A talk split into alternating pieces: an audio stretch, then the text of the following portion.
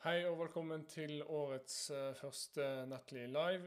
I denne episoden tenkte jeg å snakke om et uh, veldig viktig tema, som er å uh, snakke med kunder, intervjue kunder for å forstå kundereisen bedre. Og en av de mest grunnleggende si, elementene i en markedsføringsstrategi, det er å definere en målgruppe eller målgrupper. Så da tenker jeg gjerne på markedssegmentering, altså hvilke type selskaper du ønsker å nå. Altså eh, hva slags profil de selskapene har, bransjer, omsetning, den type ting. Også hva som er, hva er beskrivelsen av personene innad i de selskapene. Altså hva er deres rolle, deres funksjon. Og dette er veldig viktig, fordi at når du definerer din målgruppe, så forstår du bedre hvilke kanaler potensielle kunder bruker. Du forstår hvilket innhold du må produsere for at de skal bevege seg fra Altså at de skal finne deg, at de skal bli utdannet om det problemet som ditt produkt eller din tjeneste løser. Eh, det hjelper deg å utforme et mer treffsikkert budskap på nettsiden eller i annonser, så du bruker et språk og et budskap som treffer riktig person. Eh, det blir mye enklere for dine selgere å prospektere og ha et mer treffsikkert budskap når de f.eks. skriver den e-posten.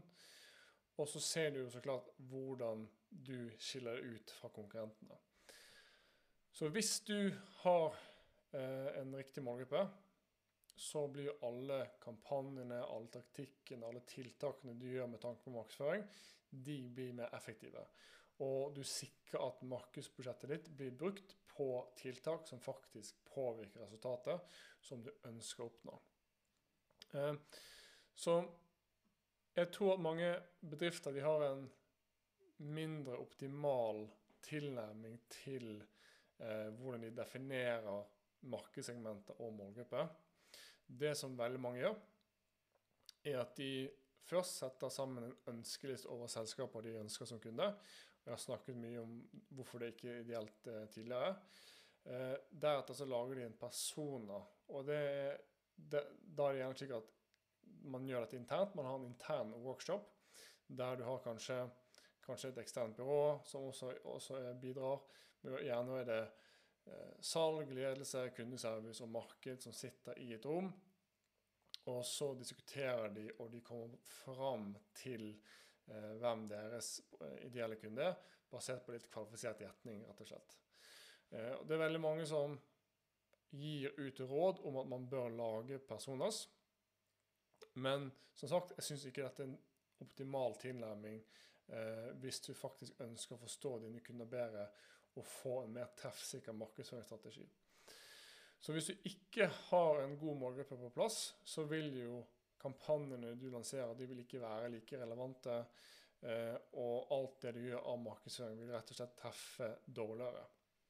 Eh, I tillegg en annen, annen, konsekvens er at man ofte hopper fra taktikk til, til taktikk.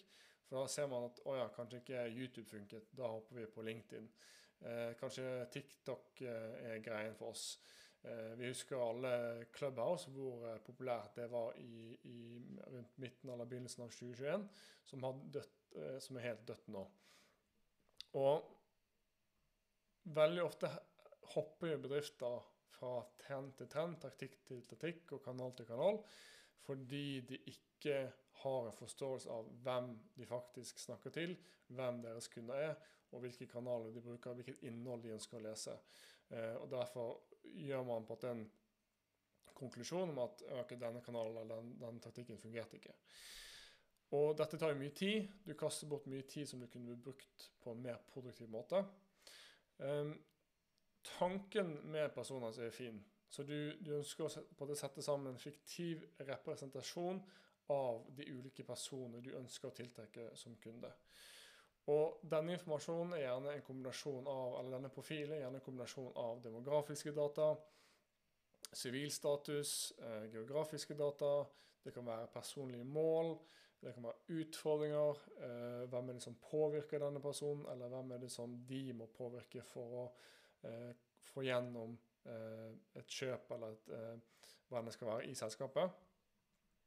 Men det det ofte ender opp med, er at du får en generisk beskrivelse av en person som du tror beskriver din kjøper. Eh, du har sikkert sett eksempler enten internt eller hos andre på, på blogger og den type ting, der du har sett en personprofil som ser noe à la sånn, sånn her. Så har IT-sjef Ivar. Han er kanskje 30-50 år. Han bor i Oslo og omegn, har en inntekt på 800 000 i året. Han leser IT-avisen og Teknisk Ukeblad. Han bruker Facebook, Instagram og LinkedIn. Han har rapportert til daglig leder. Eh, han har vært opptatt av eh, datasikkerhet og viser avkastning på investeringer i IT. Og denne informasjonen er kanskje ikke feil på overflaten, men samtidig så er det heller ikke informasjon som hjelper deg å markedsføre ditt produkt eller din tjeneste bedre. For det egentlige formålet med en person Tanken er egentlig at du skal ha en du skal, du skal, forstå hvordan du skal påvirke en bestemt kjøpsbeslutning. Så det skal ikke være en generell beskrivelse av en person du skal nå.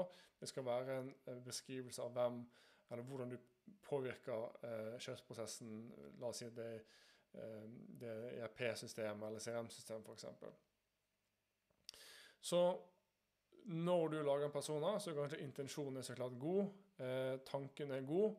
Men du får gjerne ikke svarene fra en sånn øvelse som hjelper deg å lage en bedre markedsføringsstrategi. Eh, I tillegg så er det gjerne slik at hvis du ser på denne informasjonen Denne informasjonen kan gjelde ekstremt mange personer. Så eh, 30-50 år, gift med to barn, bor i Oslo. Sånn det er veldig mange personer som oppfyller mange av de kriteriene, så å si, men som, har, som, er, som ditt produkt har null relevans for. Um, så det som er viktig for bedrifter å forstå eh, nå og fremover, er at kundereisen den, den, foregår eller gjennomføres i større grad digitalt. Så det vil si at Når en kjøper har et behov, så er de vil gjerne ikke snakke med en selger med en gang. Det kjøpere foretrekker i større grad. Jeg har jo snakket om en statistikk før om at 44% av millennials, altså 1980 til 1995, de foretrekker å kjøpe uten å involvere en selger. Så at informasjon en kjøper trenger for å ta en kjøpsbeslutning, det er noe som man gjerne ønsker å samle inn på egen hånd ved å google, bruke sosiale medier, lese artikler, eh, se webinarer og den type ting. Så hvis du tar utgangspunkt i at du skal lage en persona, og du setter deg ned med dine kollegaer, Eh, så gjør du jo som sagt mange antagelser om hvem dine kunder er. Men la oss si, hvis, vi skal ta, tallfeste dette litt La oss si at eh, eh, fra start til slutt, der kjøpsprosessen er 100% så gjennomføres kanskje, bare for å ta et eksempel, 80% av kjøpsprosessen på egen hånd. Så dine selgere de blir kun involvert de siste 20% av kjøttprosessen. Derfor så vil en person som sitter internt i ditt selskap, vil gjerne ha en si, de, de, de, kan ikke se hele bildet. og De, de forstår ikke hele kundereisen til eh, en potensiell kunde. For de har egentlig ikke vært involvert mer enn 20% av den totale kjøpsprosessen. Så da vil jo f.eks. hvis du spør denne selgeren, så vil ikke de ha innsikt rundt hva som ledet opp til det punktet at denne kjøperen tok kontakt. Så da vet du ikke Det er veldig vanskelig for en selger eller andre personer internt å vite eh, hva kjøperen har søkt på, hva slags innhold de konsumerte, hvilke konkurrenter de evaluerte, og annen relevant informasjon som hjelper deg på å forme en bedre kundereise for potensielle kunder.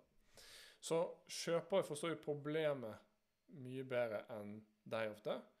Eh, og de forstår jo naturligvis prosessen fram til de kontakter en leverandør eh, siden de gjennomfører den prosessen selv. Men du som leverandør du forstår naturligvis løsningen bedre. Så jeg sier ikke at man ikke skal snakke og, og ta innsikt fra interne eh, bidragsytere, men man, vi må fokusere mer, mye, mye mer på hva som skjer før en kjøper tar kontakt.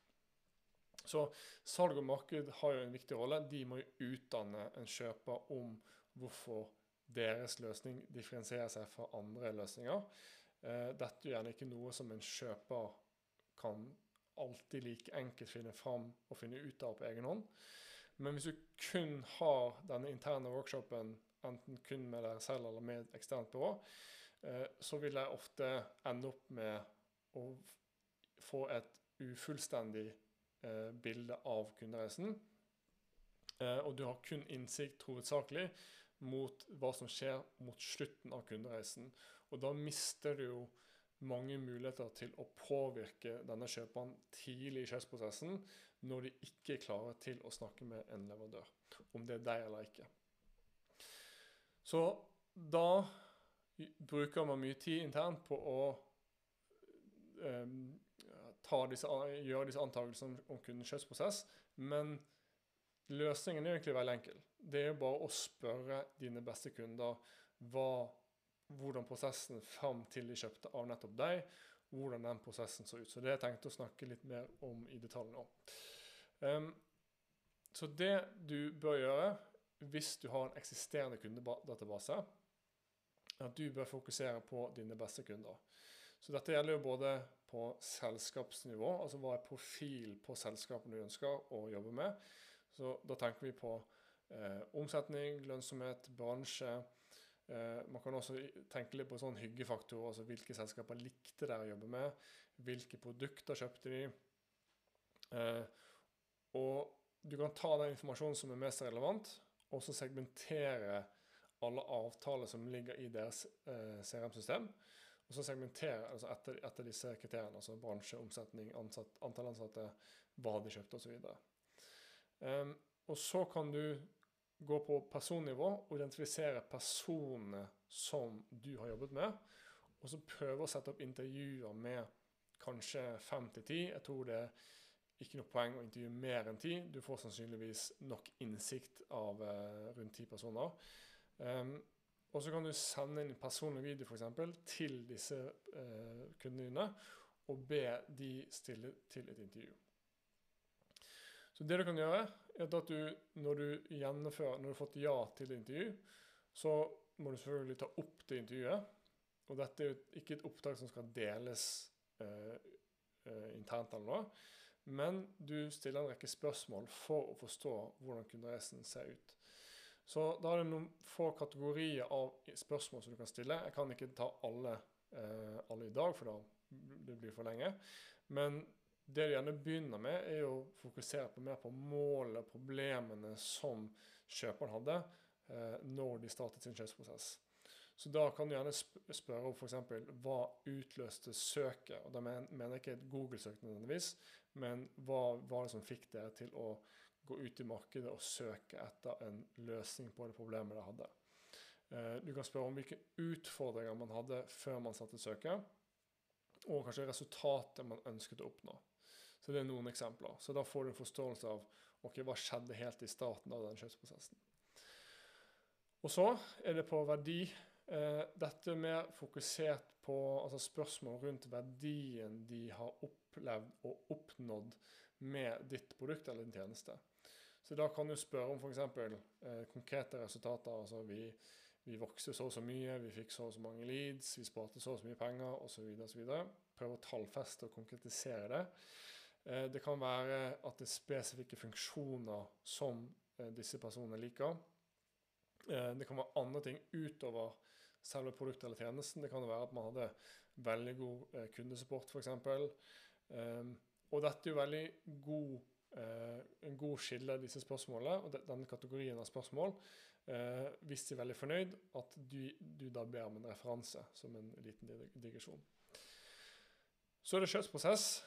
Da spør du hvordan fant du løsningen vår, så hva, hva kanskje de ikke visste om deg eh, før eh, de begynte å søke. Men du ønsker å forstå hvordan gikk de frem, eh, slik at du forstår hvordan du ble funnet. Du ønsker også å finne ut av uh, kjøpergruppen, altså hvem andre, i tillegg til denne personen du intervjuer, deltok i kjøpsprosessen. Uh, hvem, hvem, deltok, hvem påvirket, hvem var positiv, hvem var negativ? Hvem var liksom ambassadøren for dette produktet? Hvem var det som blokket? Uh, og den type ting. Eh, Du kan også spørre om hvor de leter etter informasjon. Altså Googler de, er det, er det LinkedIn, er det andre kilder som de bruker? Og Dette forteller gjerne hvilke kanaler du kan være aktiv i. Eh, også hvilke kriterier som du velger eller fokuserer på når du skal velge en løsning. Eh, dette er god informasjon å ha f.eks. på en produktside eller en annonse, der du kan fremheve det spesifikke, si, den bestemte funksjonen eh, i produktet ditt som er ekstra viktig for din målgruppe. Så er differensiering. Eh, sannsynligvis i en kjøpsprosess der en kjøper har undersøkt produktet på egen hånd, så har de sannsynligvis funnet og kommet over dine konkurrenter. Men du ønsker å finne ut av hva var grunnen til at de valgte deg og ikke en konkurrent. Så da spør du gjerne eh, hvilke konkurrenter evaluerte du, hvorfor valgte du vårt produkt, eh, hadde du noen innvendinger eller kanskje noen reservasjoner mot vår løsning. Og så til slutt kanal. Kanaler. Altså eh, er det blogger, eh, bedrifter, tankeleder du følger? Er det arrangementer som du, du deltar på? Eh, webinarer, kurs? Hvilke sosiale medier bruker du? Hvilke organisasjoner er du medlem av? Og Det her vil fortelle deg hvilke kanaler som dine kunder bruker, slik at du kan finne flere av dine, av dine beste kunder. Både Gjenskape og um, finne kunder som ligner på, på dem.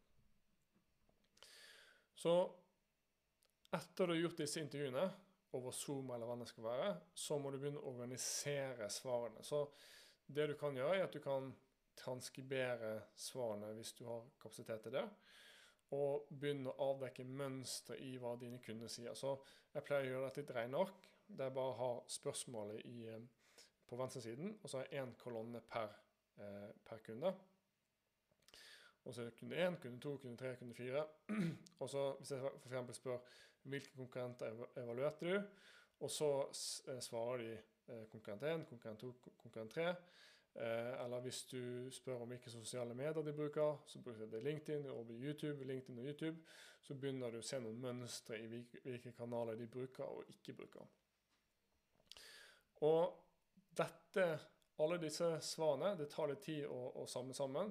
Men verdien av det er at du får innsikten til å lage bedre kundereiser for potensielle kunder. og Du slipper å gjennomføre aktiviteter som egentlig ikke har noen innvirkning på resultatene du ønsker å oppnå, som er flere innkomne henvendelser, flere varme leads og, og, og, flere kunder som kommer til deg, framfor at du må jakte og oppsøke dem. Så det var egentlig alt. Eh, jeg tror det å gjennomføre kundeintervjuer det er noe av det mest verdifulle du kan gjøre. Eh, det sparer utrolig mye tid, hjelper deg å lage bedre innhold, hjelper deg med kanalvalg, sånn at du bruker budsjettet, annonsebudsjettet på riktige, riktige kanaler. Eh, du lager et bedre, mer treffsikkert budskap på nettsiden. Eh, du, du har ikke et sånt generisk budskap som veldig mange BTB-bedrifter har, som prøver å være alt for alle. For en selger er det veldig greit å ha en liste over selskaper som de kan fokusere på når de prospekterer, eh, og de kan f.eks. personalisere hvordan de kommuniserer med potensielle kunder i langt høyere grad enn eh, hva man gjør ellers. Eh, og så klart, Du kan se på hvem dine konkurrenter er. Kanskje du kan lage innhold rundt dine konkurrenter, hvorfor du differensierer deg fra andre. Ja, så det er mange, mange eller bare fordeler med å gjennomføre sånne kundeintervjuer. Og det tar av erfaring egentlig ikke noe mer tid heller eh, sammenlignet med å lage en persona. Så hvis det er noen ting, en ting du bør gjøre mer av i 2022, så er det å snakke med kunder. Så jeg håper det var hjelpsomt. Eh, til slutt kan jeg også ha en liten eh, eh kun, kunngjøring. at eh, I slutten av januar, 26. januar, kommer eh, jeg til å ha et webinar sammen med Vidyard. Så 26, onsdag 26. januar klokken 11 så kommer vi til å holde et webinar om Eh, videomarkedsføring og hvordan selskaper, altså spesifikt salg- og markedsavdelingen, kan bruke video i 2022. Så hvis du ønsker å melde på, så kan du gå til nettil.no slash webinar slash eh, vidyard for å melde på, melde på. Så det er vidyard med en enkelt V. Eh, håper å se deg der. Det tror jeg også var en av de større mulighetene du kan utnytte da i 2022. Takk for i dag, og så håper jeg at vi høres og eller ses neste gang.